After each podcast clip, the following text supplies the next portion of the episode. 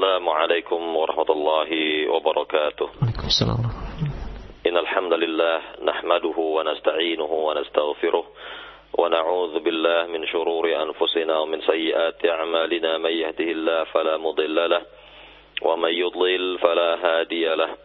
أشهد أن لا إله إلا الله وحده لا شريك له وأشهد أن محمدا عبده ورسوله. يا أيها الذين آمنوا اتقوا الله حق تقاته ولا تموتن إلا وأنتم مسلمون. يا أيها الناس اتقوا ربكم الذي خلقكم من نفس واحدة وخلق منها زوجها وبث منهما رجالا كثيرا ونساء. واتقوا الله الذي تساءلون به والأرحام. إن الله كان عليكم رقيبا. يا أيها الذين آمنوا اتقوا الله وقولوا قولا سديدا. يصلح لكم أعمالكم ويغفر لكم ذنوبكم. ومن يطع الله ورسوله فقد فاز فوزا عظيما. أما بعد فإن صغى الحديث كتاب الله وخير الهدي هدي محمد صلى الله عليه وسلم وشر الأمور محدثاتها وكل محدثة بدعة وكل بدعة ضلالة وكل ضلالة في النار.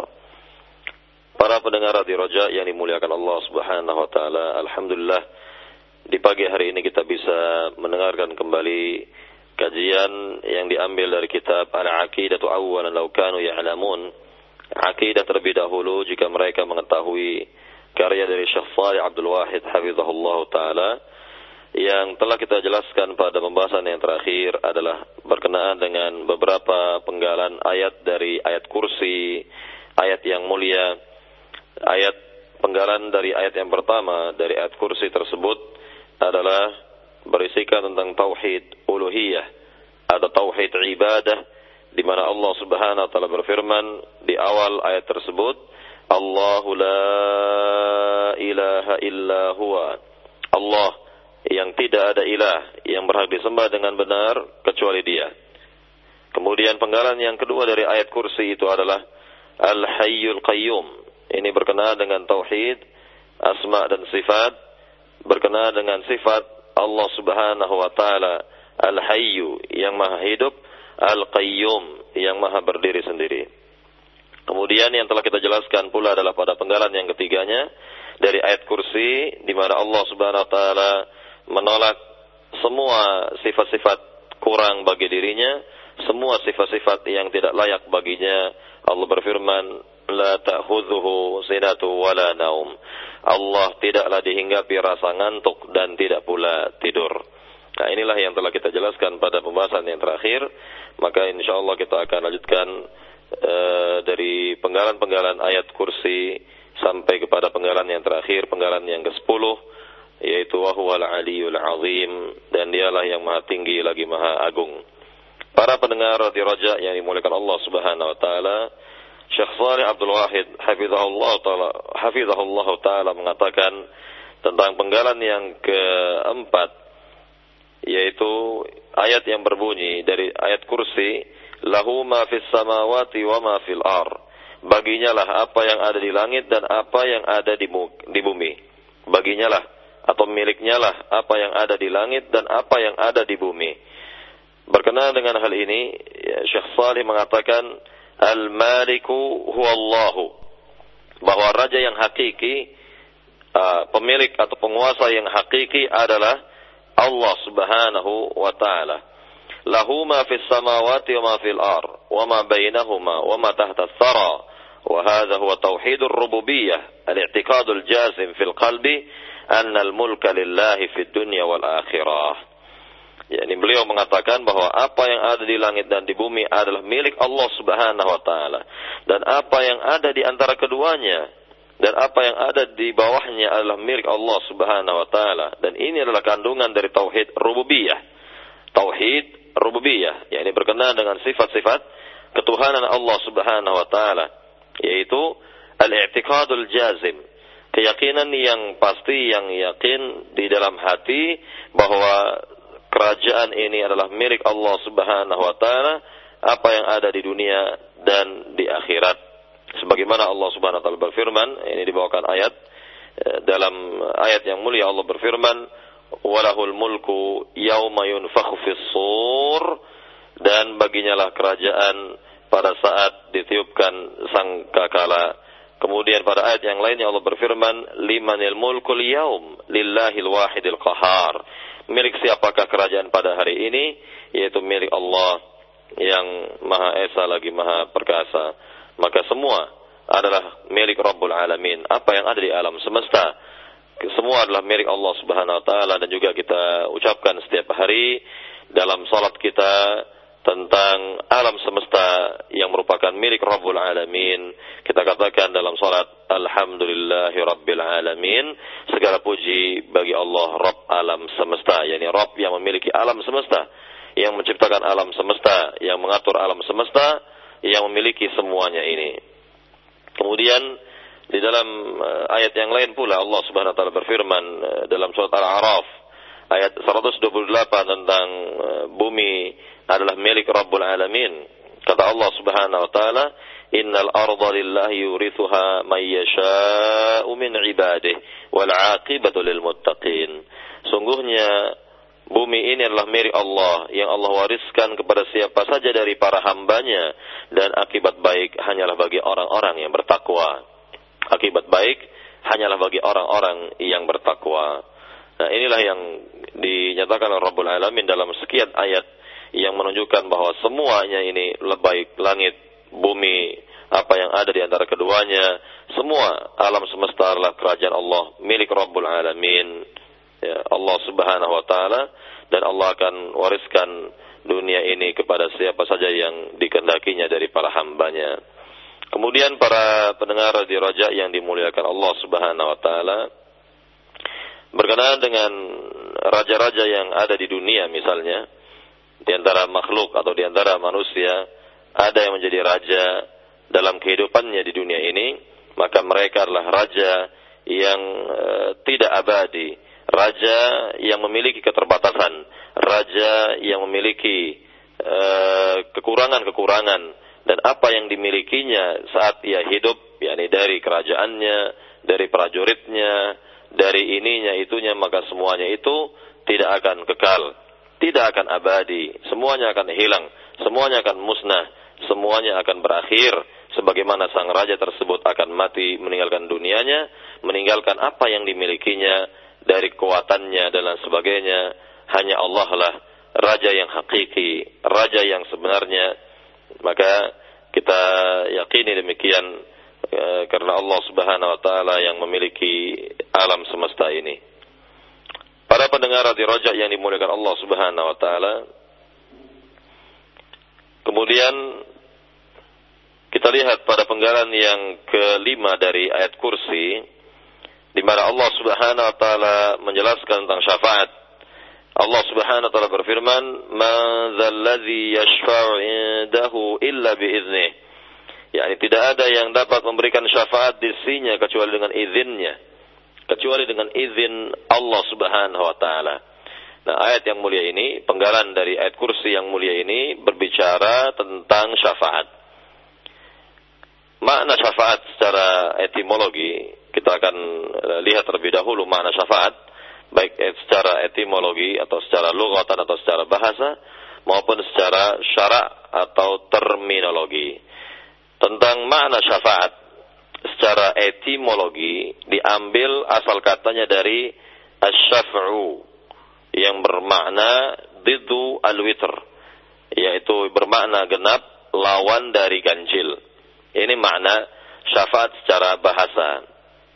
Kemudian makna syafaat secara terminologi atau syara adalah yakni sebagaimana yang dijelaskan oleh Syekh Muhammad bin Shalih Al-Utsaimin dalam mensyarah kitab tauhid dalam bab syafaat beliau menegaskan menjelaskan yaitu maknanya adalah at-tawassutu lil ghairi li jalbi manfaatin au daf'i madarrah yani at-tawassutu lil ghairi eh, bisa kita artikan yakni memberikan e, bantuan kepada pihak yang memerlukan, ya, memberikan bantuan kepada pihak yang memerlukan dalam rangka mengambil manfaat atau dalam rangka menolak bahaya.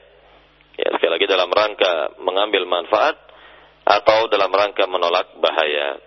At-tawassut lil ghairi li jalbi manfaatin aw daf'i madarrah. Sebagai contoh berkenaan dengan syafaat yang berlaku nanti di negeri akhirat, yakni dalam rangka mengambil manfaat, adalah syafaat Nabi Muhammad sallallahu alaihi wasallam bagi calon-calon penghuni surga di mana calon-calon penghuni surga ini kelak uh, akan berada di luar pintu-pintu surga mereka tidak akan dapat memasuki pintu surga lantaran semua pintu-pintu surga itu masih tertutup masih tertutup dan Rasulullah sallallahu alaihi wasallam lah yang dapat memohon kepada Rabbul Alamin, memohon kepada Allah Subhanahu wa taala agar pintu-pintu surga itu dibuka oleh Allah Subhanahu wa taala. Maka kelak Nabi Muhammad sallallahu alaihi wasallam akan sujud di hadapan Allah Subhanahu wa taala, memuji Allah Subhanahu wa taala sehingga Allah katakan kepada nabinya yang mulia ini, "Ya Muhammad, irfa ra'sak sal tu'ta washfa' tushaffa." Wahai Muhammad, angkatlah kepalamu, kemudian mintalah, niscaya akan aku kabulkan dan berikanlah syafaat, niscaya akan aku izinkan. Nah, inilah yang kita lihat dari uh, syafaat uh, Nabi Muhammad sallallahu alaihi wasallam kepada calon-calon penghuni surga agar mereka segera masuk surga mengambil manfaat yaitu nikmat-nikmat surga dengan segera. Ini dalam rangka lijalbi manfaatin mengambil manfaat. Maka Nabi Muhammad sallallahu alaihi wasallam yang memohon kepada Allah agar pintu-pintu surga itu dibuka sehingga ketika Nabi e, memerintahkan e, malaikat-malaikat penjaga pintu surga agar membuka pintu tersebut maka malaikat yang menjaga pintu surga bertanya terlebih dahulu kepada Nabi, "Man anta? Siapa Anda ini?" Maka Nabi mengatakan, "Ana Muhammad. Saya adalah Muhammad." Maka malaikat mengatakan lagi, "Bika umirtu." Dengan mulah atau dengan sebab engkaulah ya, dengan perantara engkaulah yakni aku diperintah Allah Subhanahu wa taala untuk membuka pintu-pintu surga. Nah ini sekali lagi berkenaan dengan uh, makna syafaat tadi, yakni at-tawassutu lil ghairi, memberikan manfaat kepada pihak yang memerlukan, lijal manfaatin, yaitu dalam rangka mengambil manfaat dan yang dimaksud di sini yakni bagi calon-calon penghuni surga agar mereka segera masuk ke dalam surga. Kemudian uh, makna syafaat yang berikutnya tadi adalah madarrah atau dalam rangka menolak bahaya. Nah, ini bisa uh, pendengar di Roja uh, melihat contoh tentang uh, memberikan bantuan atau pertolongan kepada pihak yang memerlukan dalam rangka menolak bahaya. Yaitu contohnya adalah syafaat yang akan berlaku bagi calon-calon penghuni neraka. Yakni sebelum mereka dicampakkan ke dalam neraka, maka ada di antara mereka yang akan mendapatkan syafaat dari pihak-pihak tertentu yang jelas ya, hamba-hamba Allah yang beriman, hamba-hamba Allah yang salih, ya, mereka akan mendapatkan syafaat tersebut dan mereka tidak jadi masuk neraka. Ini dalam rangka menolak bahaya dan bahaya yang dimaksud di sini adalah siksa api neraka wal billah. Nasallallahu salamata wal afiyah. Para pendengar radio Raja yang dimuliakan Allah Subhanahu wa taala, ketahuilah bahwa seluruh syafaat yang ada di negeri akhirat itu adalah milik Allah Subhanahu wa taala. Karena Allah telah berfirman dalam ayat yang mulia, "Qul lillahi syafa'atu jami'a." Katakanlah wahai Muhammad, milik Allah lah semua syafaat yang ada itu. Milik Allah seluruh syafaat yang ada. Yani seluruh syafaat yang ada di negeri akhirat adalah hakikatnya milik Rabbul Alamin. Kemudian timbul pertanyaan yang Eh, saya ajukan kepada para jamaah semuanya para pendengar di Roja, yakni apa hikmah yang terkandung, ya, apa hikmah uh, dari pemberian eh, syafaat-syafaat yang pada asalnya milik Allah Subhanahu wa taala kepada para hamba yang salih, kepada para hamba yang bertakwa kepada Allah Subhanahu wa taala. Misal, di antara syafaat yang asalnya milik Allah itu, di antaranya Allah limpahkan kepada Nabi Muhammad agar Nabi nanti me, yakni memberikan syafaat-syafaat tersebut kepada pihak-pihak yang memerlukannya. Atau misalnya lagi Allah melimpahkan di antara syafaatnya itu kepada para nabi, kepada para rasul. Atau Allah berikan di antara syafaatnya itu kepada para malaikat dan seterusnya dari hamba-hamba yang beriman, hamba-hamba Allah yang saleh agar mereka kelak dapat menyalurkan syafaat-syafaat tersebut kepada pihak-pihak yang diridhai oleh Allah Subhanahu wa taala. Jadi sekali lagi pertanyaannya di sini apa hikmah yang terkandung di dalamnya? Nah, tentu bisa kita lihat dan para pendengar di Roja juga bisa melihat tentang hikmah yang besar dari ini semua adalah yakni dalam rangka memuliakan pihak-pihak tersebut. Dalam rangka memuliakan yakni hamba-hamba Allah yang salih yang beriman kepadanya yang bertakwa kepadanya. Dalam rangka memuliakan mereka semua, dalam rangka memuliakan Nabi Muhammad, dalam rangka memuliakan para nabi seluruhnya, dalam rangka memuliakan hamba-hamba Allah lainnya yang bertakwa kepadanya. Nah, inilah hikmah mengapa Allah limpahkan syafaat-syafaatnya itu kepada pihak-pihak tersebut yang nantinya akan disalurkan kepada mereka-mereka yang membutuhkannya, kepada mereka-mereka yang membutuhkannya. Kemudian eh, para jamaah yang dimuliakan Allah Subhanahu wa taala kita lihat di antara dalil yang menjelaskan tentang syafaat ini dalam surat An-Najm misalnya dalam surat An-Najm ayat 26 di mana Allah Subhanahu wa taala berfirman wa kam mim malakin fis samawati la tughni syafa'atuhum syai'a illa min ba'di ay ya'dzana Allah liman yasha wa yarda.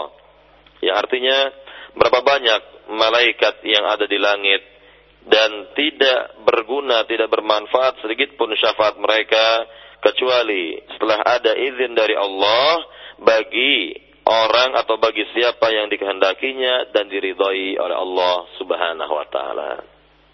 Ini bisa kita lihat ada dua hal yang dikatakan oleh Allah Subhanahu wa taala.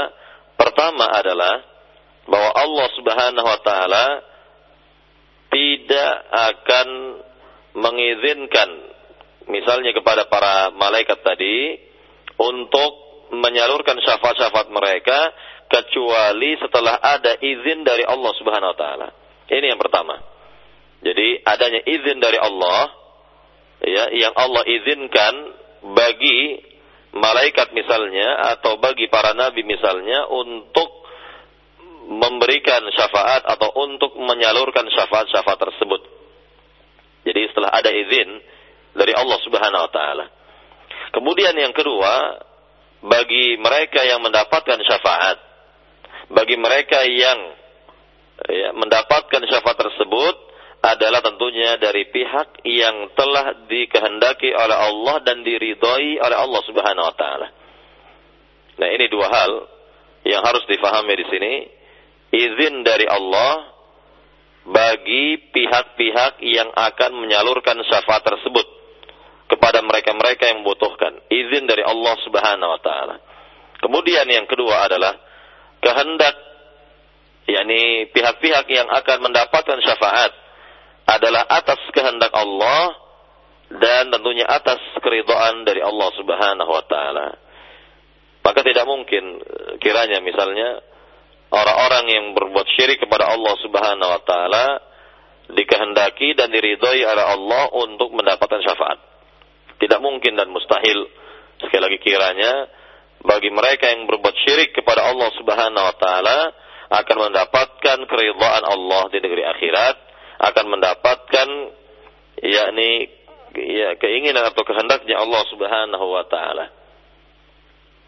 Maka bagi mereka-mereka yang bertauhidlah, bagi mereka-mereka yang beriman kepada Allah, yang bertauhid kepada Allah dengan sebenar-benar tauhid, yang insya Allah akan mendapatkan syafaat tersebut, sebagaimana contoh dari sabda Nabi yang mulia yang sahih ketika sahabat yang mulia Abu Hurairah Abdurrahman bin Sakhr bertanya kepada Nabi sallallahu alaihi wasallam, "Ya Rasulullah, wahai Rasulullah, man as'adun nas bi syafa'atika yaumil qiyamah?" Siapakah orang yang paling bahagia kelak di negeri akhirat yang akan mendapatkan syafaatmu wahai Nabi, wahai Rasulullah? Kata Abu Hurairah, siapakah orang yang paling bahagia kelak di negeri akhirat yang akan mendapatkan syafaatmu? Kata Nabi yang mulia sallallahu alaihi wasallam, eh, ini memberikan jawaban tentunya tentang syarat yang pertama dan utama agar mendapatkan syafaat beliau. Kata Nabi yang mulia, yakni man qala la ilaha illallah khalisan min qalbi. Siapa saja yang mengucapkan kalimat la ilaha illallah secara ikhlas dari hatinya, yakni betul-betul dengan keikhlasan dari dalam hati dan juga kalimat tersebut kalimat tauhid itu dibuktikan dalam kehidupan sehari-hari, inilah orang yang bahagia kata Nabi yang akan mendapatkan uh, syafaatnya kelak di negeri akhirat. Maka banyak di antara kaum muslimin berkeinginan mendapatkan syafaat Nabi Muhammad SAW misalnya, namun mereka masih saja berbuat syirik selama hidup di dunia. Mereka berbuat syirik kepada Allah Subhanahu wa taala. Maka bagaimana mungkin yakni akan mendapatkan syafaat Nabi Muhammad sedangkan orang yang berbuat syirik tentu tidak akan mendapatkan keridhaan dari Allah Subhanahu wa taala dan tidak dikehendaki oleh Allah mendapatkan syafaat tersebut. Jadi yang perlu kita fahami di sini syarat yang pertama dan utama adalah tentunya bertauhid kepada Allah Subhanahu wa taala dengan sebenar-benar tauhid. Kemudian yang kedua, syarat yang kedua yang tidak kalah pentingnya kita memohon kepada Allah langsung tentang syafaat tersebut dan tidak diperkenankan, tidak dibolehkan meminta kepada Nabi Muhammad yang sudah wafat. Meminta syafaat kepada Rasulullah SAW yang sudah wafat karena pada dasarnya Pertama bahwa syafaat tersebut tersebut milik Allah Subhanahu wa taala. Sebagaimana tadi dikatakan dalam ayat yang mulia, "Qul lillahi syafa'atu jami'a." Katakanlah wahai Muhammad, milik Allah lah seluruh syafaat yang ada. Maka kita minta semuanya itu syafaat tersebut kepada Allah Subhanahu wa taala Rabbul, Alamin yang memilikinya. Tidak tidak meminta kepada Nabi Muhammad yang sudah wafat, yang sudah meninggal dan tidak ada seorang pun sahabat datang ke kubur Nabi meminta-minta kepada Nabi tentang syafaatnya kelak di negeri akhirat. Atau misalnya seorang berdoa, dalam doanya misalnya ia mengucapkan, Wahai Muhammad, wahai Nabi, berikanlah aku syafaatmu. Berikanlah aku, yakni syafaatmu kelak di negeri akhirat. Nah, tidak dibenarkan yang seperti ini. Mestinya, atau yang benar adalah, minta langsung kepada Rabbul Alamin, minta kepada Allah Subhanahu wa taala syafaat Nabi Muhammad sallallahu alaihi wasallam. Kemudian syarat-syarat lainnya yang harus pula diketahui seperti melaksanakan ajaran beliau, ajaran Nabi Shallallahu Alaihi Wasallam berada pada sunnah beliau dalam kehidupan beragama ini dan syarat-syarat lainnya agar kita mendapatkan syafaat beliau kelak di negeri akhirat. Para jamaah, para pendengar radio Raja yang dimuliakan Allah Subhanahu wa taala, eh, kita lihat misal dalam ayat yang lain yang menjelaskan tentang syafaat ini dalam surat Saba, dalam surat Saba ayat 23 di mana Allah Subhanahu wa taala berfirman, "Wala tanfa'u syafa'atu 'indah illa liman adzina lah." Ya. Jadi ini yang dikatakan oleh Allah Subhanahu wa taala dalam surat Saba ayat 23 berkenaan dengan syafaat dan tidaklah berguna syafaat sedikit pun di sisinya kecuali Eh, eh, kecuali bagi siapa yang telah diizinkan oleh Allah Subhanahu wa taala. Kecuali bagi siapa yang telah diizinkan oleh Allah Subhanahu wa taala.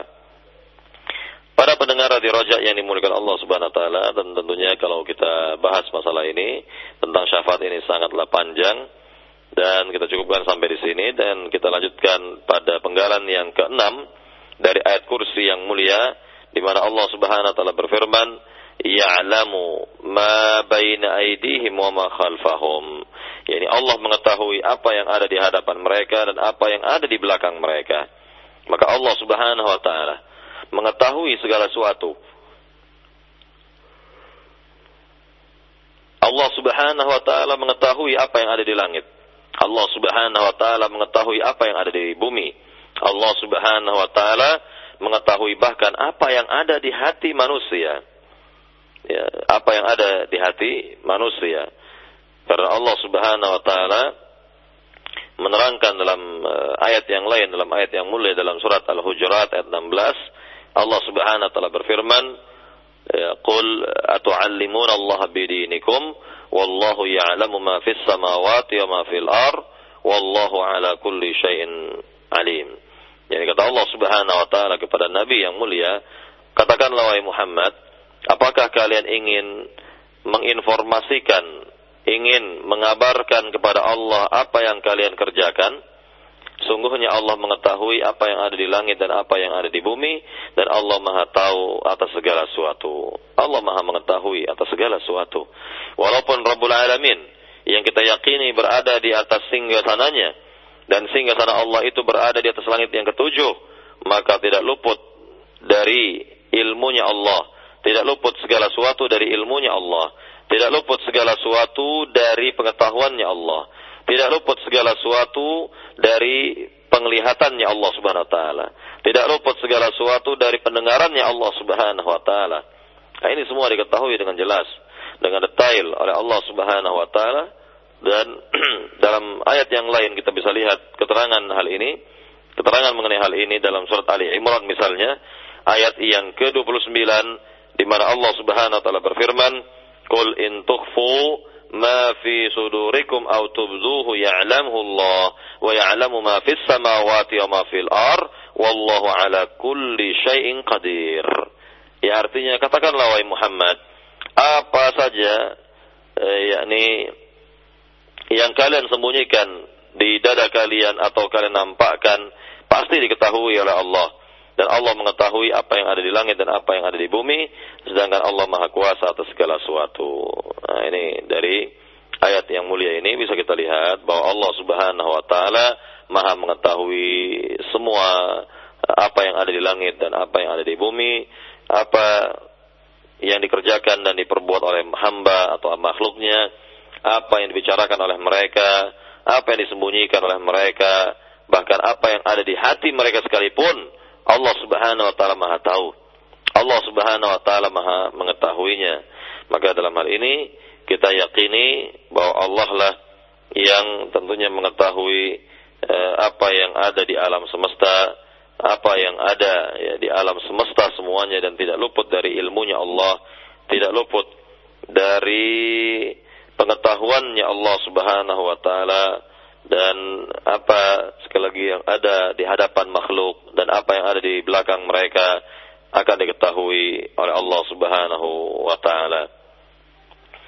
Para pendengar di Raja yang dimuliakan Allah Subhanahu wa taala, uh, kita lihat tentang uh, keadaan orang yang uh, atau seorang yang dikatakan ihsan atau sudah sampai kepada derajat ihsan yakni yang disebut oleh Nabi Shallallahu Alaihi Wasallam dalam hadis Jibril ketika Nabi ditanya uh, oleh mereka Jibril tentang ihsan maka Nabi menjawab al ihsanu an ta'budallaha ka'annaka tarah fa illam takun tarahu fa innahu yaraka. Ihsan itu adalah engkau beribadah kepada Allah seolah-olah engkau melihatnya namun jika engkau tidak melihatnya pasti ia melihat dirimu. Nah, jika seorang sudah memiliki sifat ihsan ini berarti uh, orang ini meyakini meyakini dengan seyakin-yakinnya bahwa apa yang dia perbuat, apa yang dia ucapkan, bahkan apa yang tertik di hatinya pasti diketahui, diawasi oleh Allah, dilihat oleh Allah, didengar oleh Allah Subhanahu wa taala, maka yang timbul dari si hamba dalam perbuatannya adalah kebaikan-kebaikan. Amal-amal salih ya ke, semua adalah kebaikan-kebaikan karena dia mengetahui jika Allah Subhanahu wa taala dikatakan demikian maka dia tidak akan berbuat keburukan atau dia akan menghindar dari keburukan-keburukan akan menghindar dari perbuatan dosa dan maksiat karena semuanya itu pasti diketahui oleh Allah Subhanahu wa taala.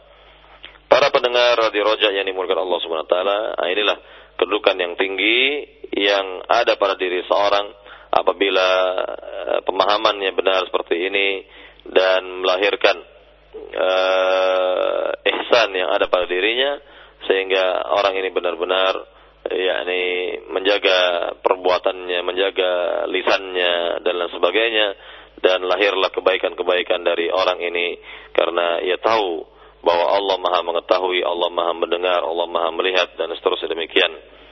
Kemudian kita lihat penggalan yang ketujuh sekarang dari ayat kursi yang mulia ini. Apa kata Allah? Ya, dalam penggalan yang ketujuh, Allah berfirman, "Wala yuhituna bi syai'in min ilmihi illa bima Tidak ada yang dapat menguasai sedikit pun pula dari ilmunya Allah kecuali apa yang dikehendaki oleh Allah Subhanahu wa taala. Jadi Allah Subhanahu wa taala Pada dasarnya dikatakan oleh Syekh Shalih di sini, fa Allah subhanahu wahdahu huwa alladhi ya'lamu ma kana wa ma sayakun wa ma huwa kain ila yaumil qiyamah. Wallahu ikhtassa nafsahu bi'ilmil ghaibi." فقال عالم الغيب فلا يظهر على غيبه أهدا وقال تعالى وعنده مفاتح الغيب لا يعلمها إلا هو ويعلم ما في البر والبحر Syekh Saleh Abdul Wahid mengatakan di sini dalam kitabnya Allah Subhanahu wa taala mengetahui apa yang telah terjadi, apa yang akan terjadi dan segala sesuatu sampai hari kiamat kelak. Dan Allah mengkhususkan dirinya mengetahui perkara-perkara gaib, mengetahui perkara-perkara gaib dan perlu diketahui bahwa perkara gaib ini hanya ada pada Allah Subhanahu wa taala, tidaklah perkara gaib diketahui oleh para malaikat. Tidaklah perkara gaib diketahui oleh manusia dan tidak pula diketahui oleh bangsa jin. Allah Subhanahu wa taala berfirman dalam ayat yang tadi disebutkan dari dua ayat yang mulia tadi. Ayat yang pertama yang terdapat dalam surat Al-Jin ayat 26, Allah Subhanahu wa taala berfirman, alimul ghaibi wa alimul ghaibi fala yuzhiru ala ghaibihi ahada. Allah lah yang maha mengetahui perkara gaib dan tidaklah ditampakkan perkara gaib itu kepada seorang pun dari makhluk. Nah ini semua yang berkenaan dengan perkara-perkara gaib. Semua masalah-masalah gaib hanya Allah Subhanahu wa taala yang mengetahui. Adapun malaikat misalnya mereka tidak mengetahui kecuali apa yang telah dikabarkan oleh Allah Subhanahu wa taala kepada mereka. Demikian pula manusia dan jin tidak mengetahui perkara-perkara gaib atau hal-hal yang akan terjadi misalnya. Kemudian kita lihat dalil yang kedua yang tadi telah dibacakan yakni dalam surat Al-An'am. Dalam surat Al-An'am ayat 59 di mana Allah Subhanahu wa taala berfirman, "Wa indahu mafatihul ghaibi la ya'lamuha illa huwa wa ya'lamu ma fil barri wal bahri." Dan di sisinya terdapat kunci-kunci ya yakni perkara gaib yang tidak diketahui semuanya itu kecuali oleh Allah dan dialah yang mengetahui apa yang ada di darat dan apa yang ada di laut. Nah, inilah yang dikatakan oleh Rabbul Alamin tentang uh, yakni perkara-perkara gaib, semua masalah-masalah gaib hanya Allah lah yang mengetahuinya.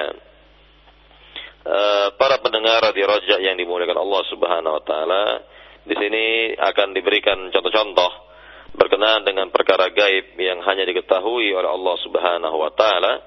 Contoh yang pertama dijelaskan oleh Syekh Salih Abdul Wahid atau dibawakan oleh Syekh Salih Abdul Wahid. Beliau mengatakan annahu la yajuzu li ahadin ayyan kana ayyadzima binuzulil matar fil ghaddi wala uh, بهبوب الرياح مهما كان عنده من علم إلا أن يقول إن شاء الله تعالى. لأن ما شاء الله كان وما لم يشأ لم يكن. قال تعالى ولا تقولن لشيء إني فاعل ذلك غدا إلا أن يشاء الله. Beliau mengatakan, Hafizahullah Ta'ala, bahwa tidak boleh bagi seorang untuk memastikan bahwa besok akan turun hujan. Ya, jadi tidak boleh seorang walaupun ilmunya dalam dalam hal, tentang hal ini tidak boleh memastikan. Tidak boleh mengatakan oh pasti besok akan turun hujan. Misalnya demikian.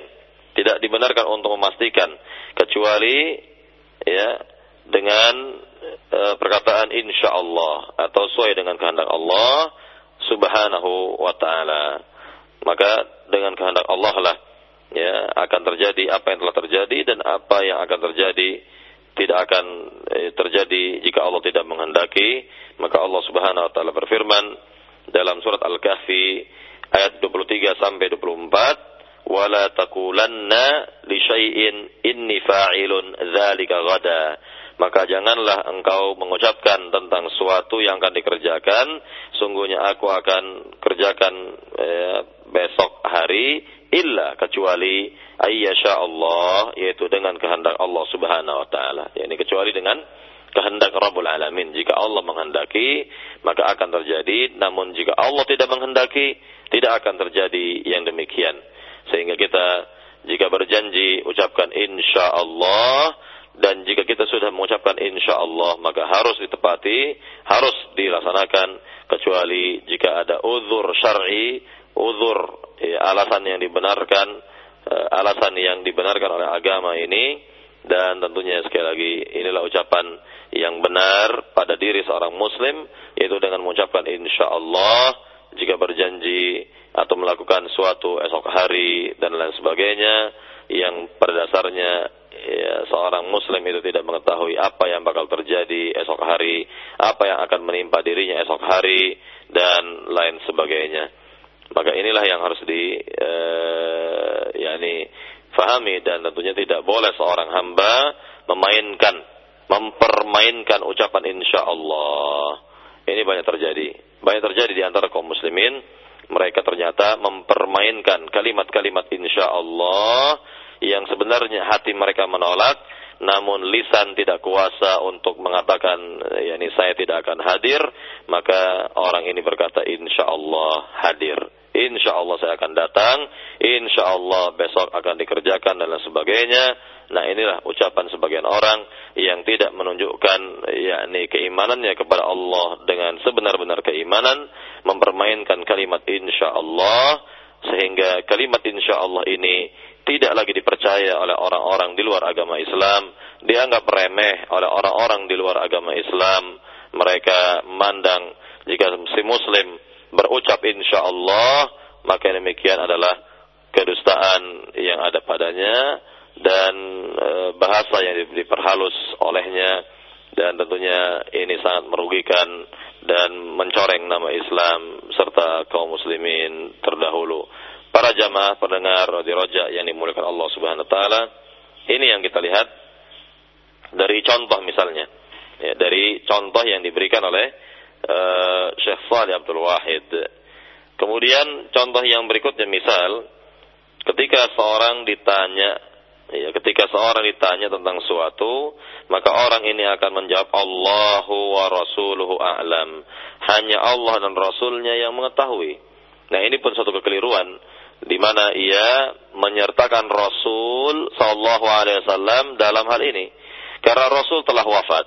Rasul sudah meninggal, maka tidak lagi seorang mengatakan Allah wa rasuluhu a'lam. Dan ucapan seperti ini, Allah wa rasuluhu a'lam, hanya dibenarkan di zaman para sahabat ketika Rasul masih hidup. yakni ketika wahyu masih turun kepada Nabi Sallallahu Alaihi Wasallam. Maka biasanya para sahabat mengatakan Allahu wa Rasuluhu a'lam. Hanya Allah dan Rasulnya yang telah yang mengetahui.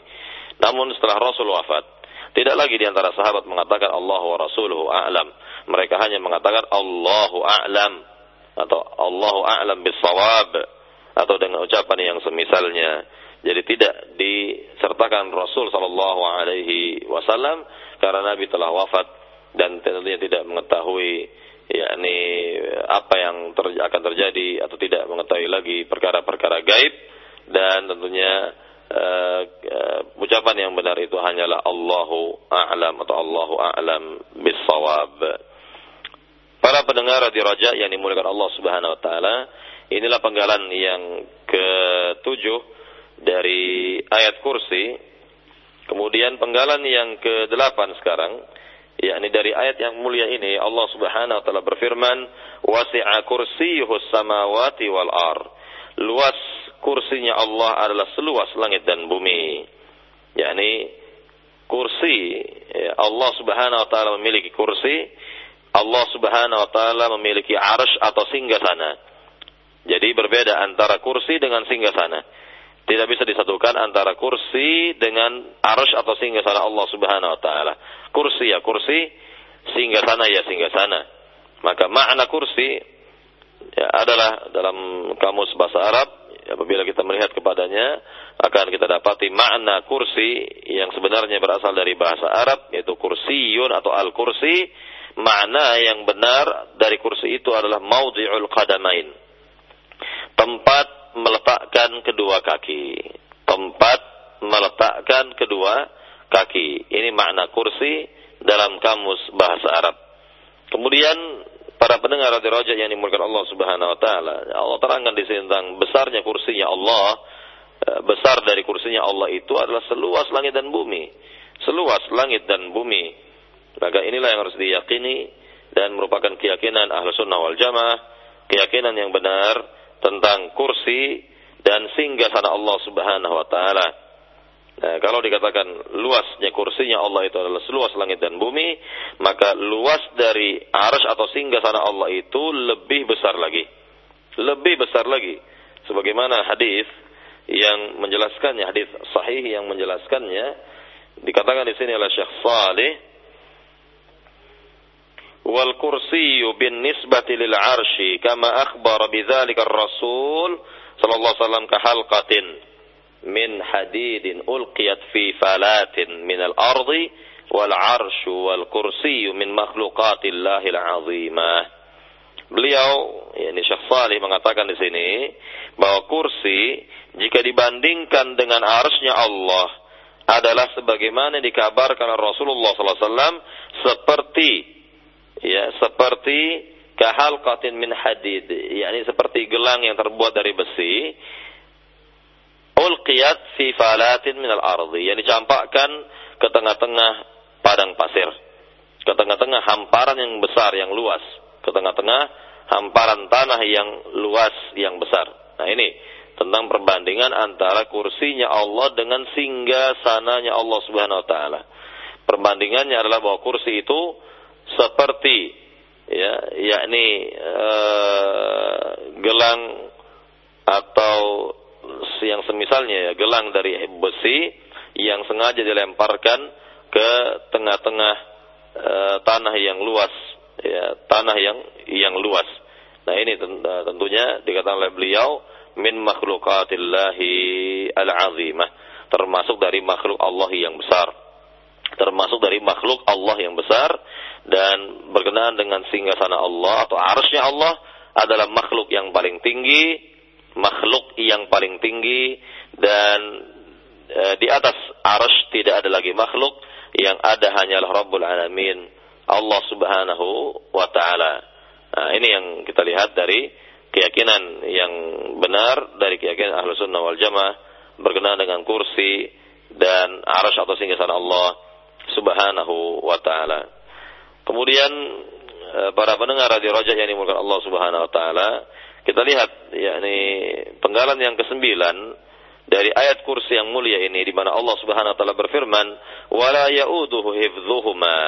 Yani Allah tidaklah sulit untuk mengurus keduanya, untuk mengurus langit dan bumi. Tidak ada kesulitan bagi Allah.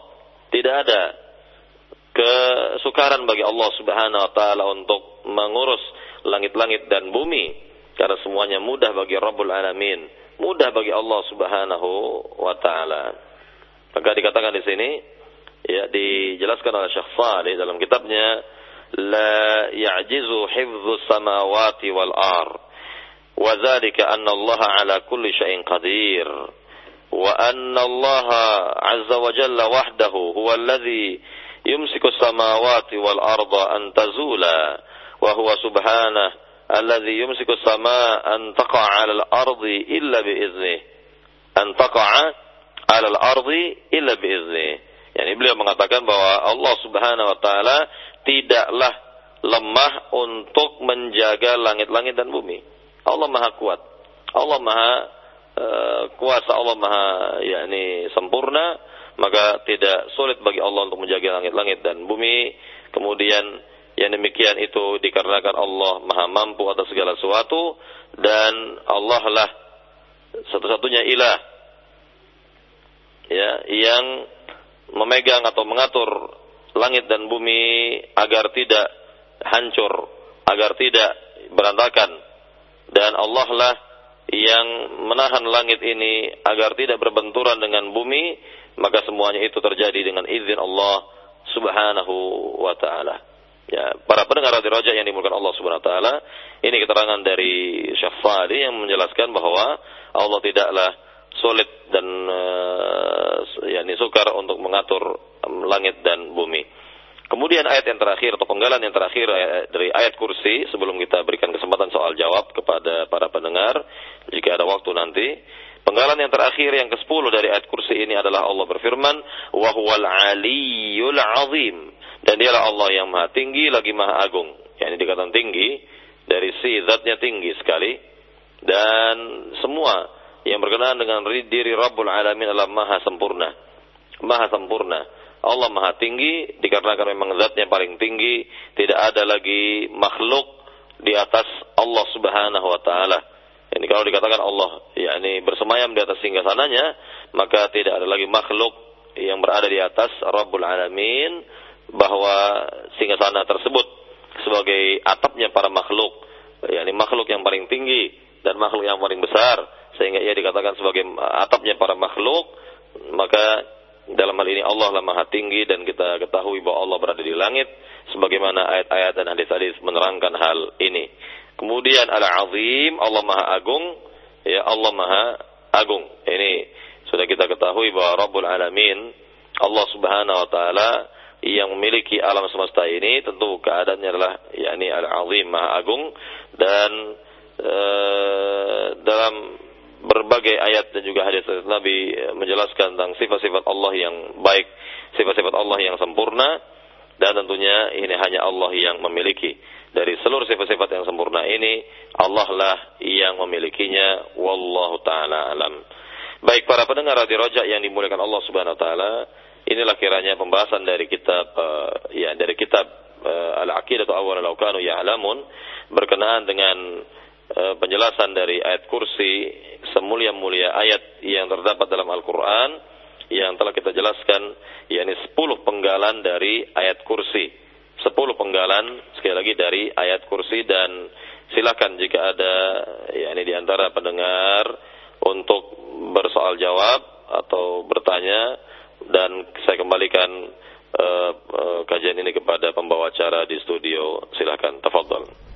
Nah, Barakallahu fiik pada Ustaz yang sudah memberikan penjelasan di kesempatan pagi hari ini mudah-mudahan bermanfaat dan selanjutnya kami buka sesi tanya jawab bagi Anda yang ingin bertanya langsung anda bisa menghubungi kami di line telepon di 0218236543 atau di pesan singkat di 0819896543. Dan untuk kesempatan pertama kami akan berikan di line telepon.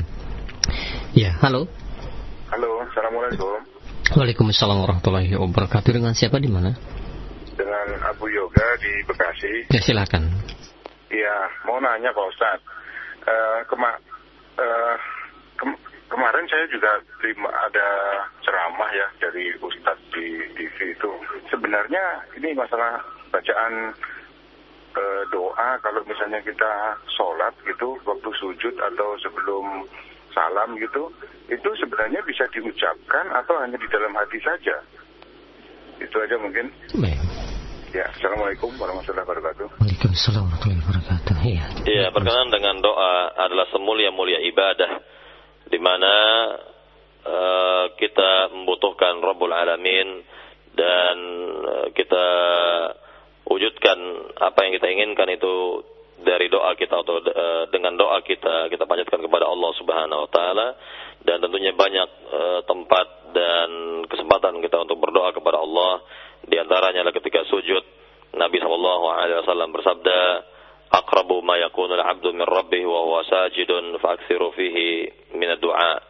Yakni sedekat-dekat hubungan seorang hamba kepada Allah adalah ketika ia sedang sujud maka perbanyaklah doa pada saat sujud. Yakni kalau kita ingin berdoa dengan bahasa kita bahasa Indonesia cukup di hati dan tentunya uh, tidak dibenarkan ya, oleh Nabi untuk berdoa dengan membawakan ayat-ayat Al-Quran eh, secara tekstualnya itu membawakan ayat Al-Quran yang mengandung doa. Dan ini ada larangan dari Nabi SAW sehingga kita bebas berdoa dengan bahasa kita misalnya cukup di hati dan juga eh, doa sebelum salam tentunya ada doa-doa yang sahih dari Nabi yang sudah dijelaskan oleh Rasul SAW. Jadi kalau doa ketika sujud doanya bebas, apa saja boleh kita berdoa kepada Allah dengan bahasa kita boleh atau dengan bahasa Arab juga demikian dibenarkan dan jika kita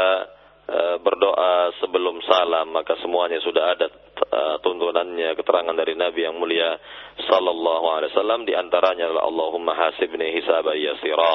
Ya Allah hisablah aku dengan hisab yang ringan begitu. Ini di antara contoh dari doa-doa yang sahih dari Nabi dan bisa Bapak lihat semuanya itu doa-doa tersebut dalam kitab sifat salat Nabi pembahasan yakni doa-doa sebelum uh, salam. Doa-doa sebelum salam. Wallahu taala alam Khair dan selanjutnya kami beralih di pesan singkat.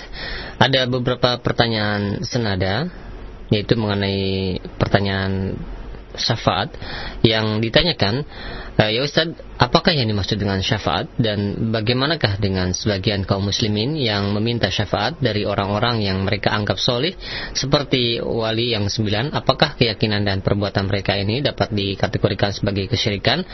Dan uh, bagaimana status keislaman mereka dari Septi di Lampung Timur? Iya, uh, syafaat secara umum bermakna bantuan atau pertolongan, bantuan atau pertolongan. Namun yang kita bahas tadi adalah syafaat yang berada di negeri akhirat, yang sifatnya berada di negeri akhirat maka syafaat tersebut adalah pada dasarnya milik Allah Subhanahu wa taala, maka hendaknya kita hanya minta kepada Allah, tidak boleh minta kepada orang-orang salih yang sudah meninggal. Tidak boleh kepada nabi, apalagi kepada para wali tadi atau orang-orang salih yang dianggap salih lainnya yang sudah meninggal, maka tidak dibenarkan untuk meminta syafaat kepada mereka. Dan memang ada syubhat di benak mereka bahwa orang-orang saleh itu kedudukannya sangat tinggi di sisi Allah Subhanahu wa taala sehingga kita ya, ya, ya ini tidak bisa langsung memohon kepada Allah maka melalui perantaranya terlebih dahulu yaitu para wali tersebut dan ini adalah syubhat yang harus dihilangkan dari benak seorang muslim. Tidak boleh seorang muslim memiliki uh, pemikiran keliru seperti ini atau keyakinan rusak seperti ini atau syubhat seperti ini.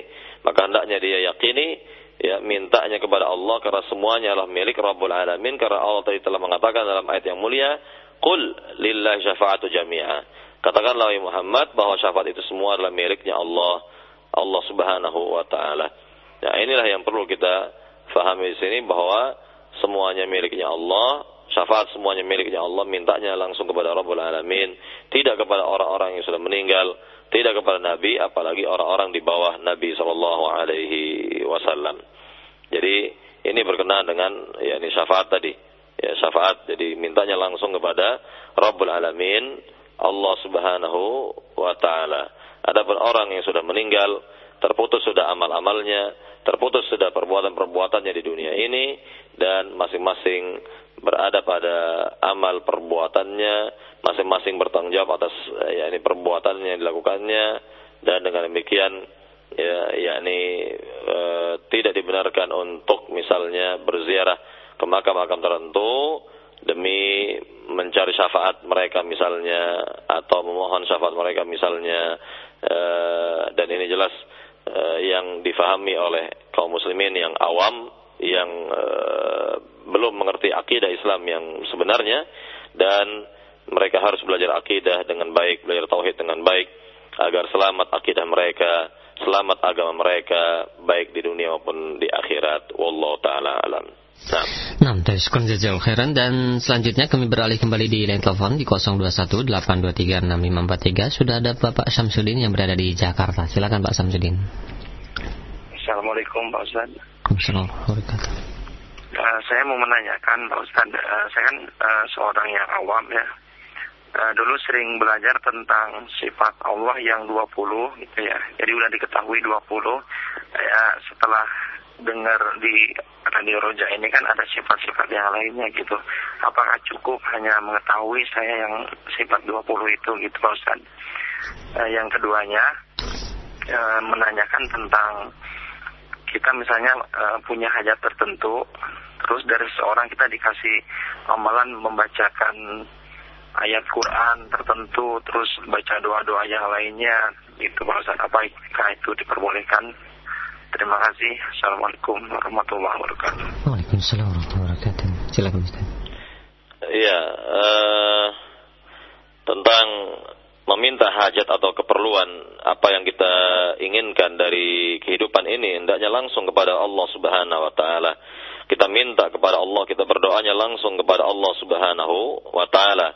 Dan tidak uh, dibenarkan yakni mengamalkan amalan-amalan khusus, amalan-amalan tertentu yang memang tidak ada contoh dari Nabi sallallahu alaihi wasallam.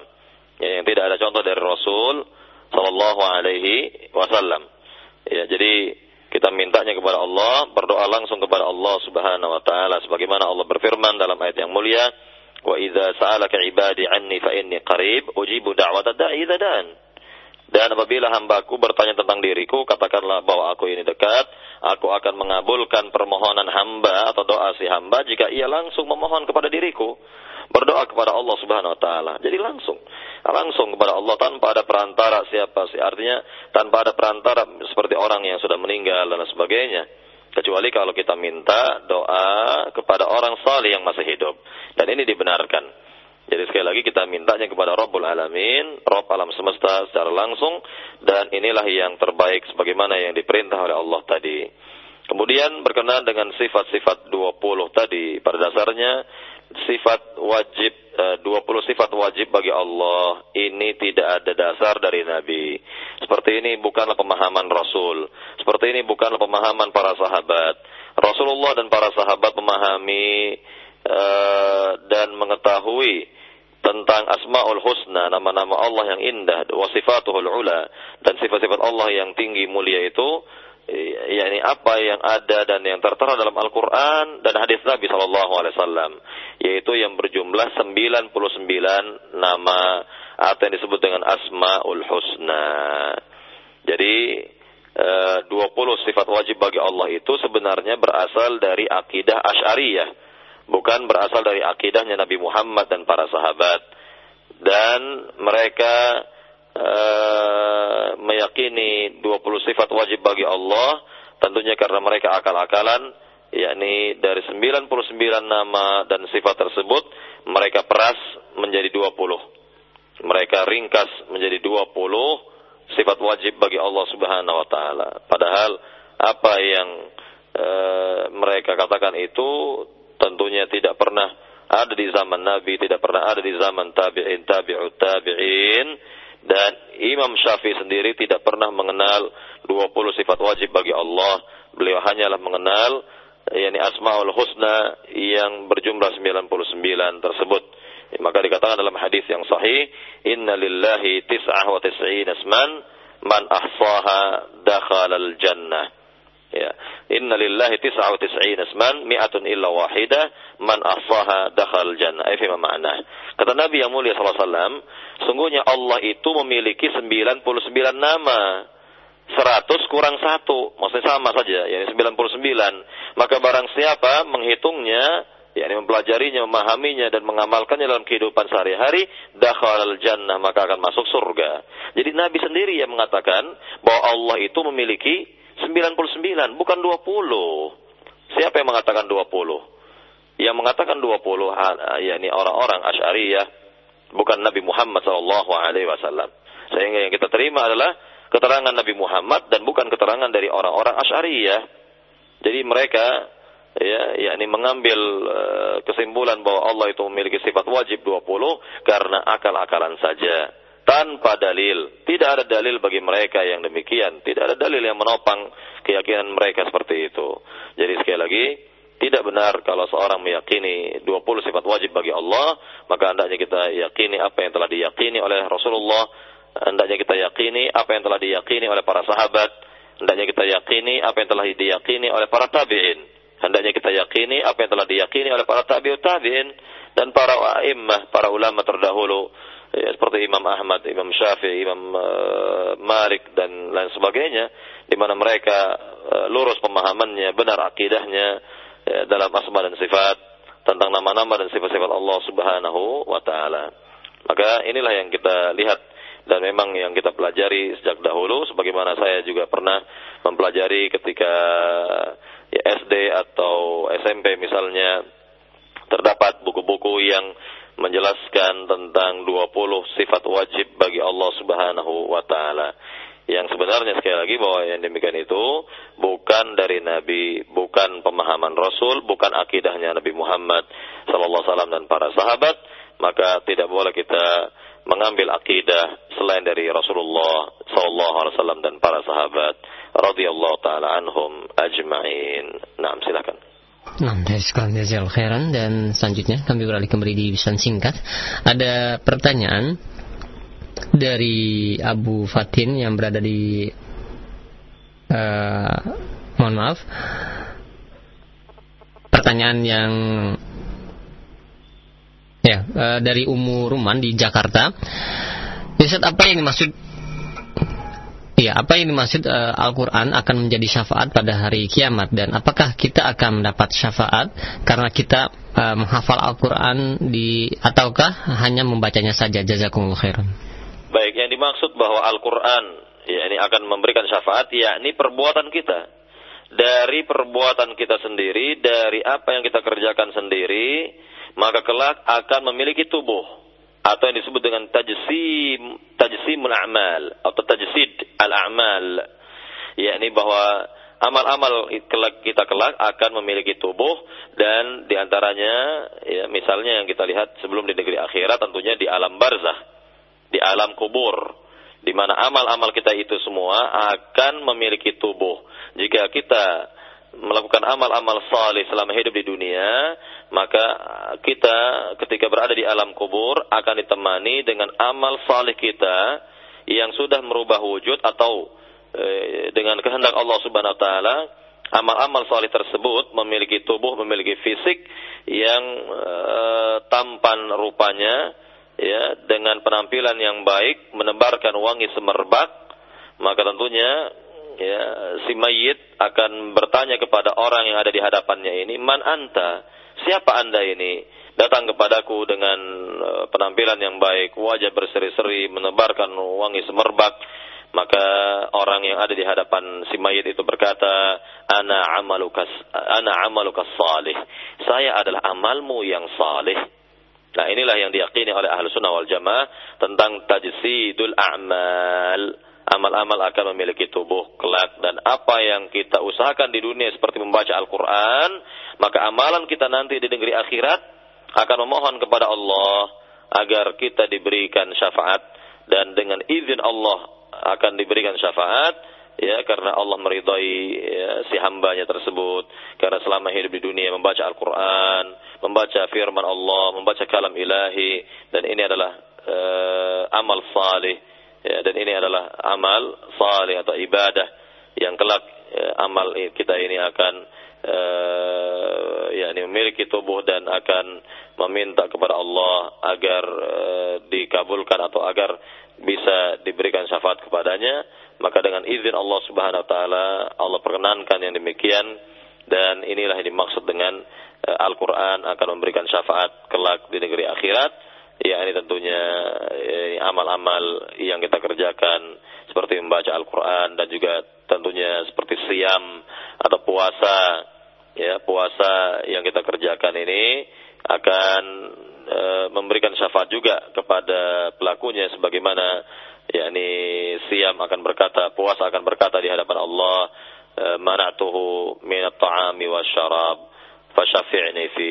Aku telah menahan dirinya ya Allah dari makan dan minum, maka izinkanlah aku memberikan syafaat kepadanya. Dan begitu pula dengan Al-Quran, bacaan Al-Quran yang kita lakukan selama hidup di dunia, akan berkata seperti itu kepada Allah, ya dan dengan izin Allah akan diberikan syafaat kepada orang tersebut wallahu taala alam. Mungkin yang terakhir satu lagi. Nah dan uh, satu pertanyaan terakhir kami beri kesempatan di pesan singkat kembali ya Ustaz ya. Ada pertanyaan dari Zainuri yang berada di Madiun. Ya Ustaz apakah al-sunnah hanya menetapkan hanya 99 nama saja yaitu uh, dari nama-nama Allah sedangkan di dalam doa pelipur lara bahwa disebutkan uh, nama-nama yang Allah sebutkan itu ada yang disembunyikan pula. Nah, apakah hal ini bertentangan Ustaz dengan yang dijelaskan tadi Ustaz?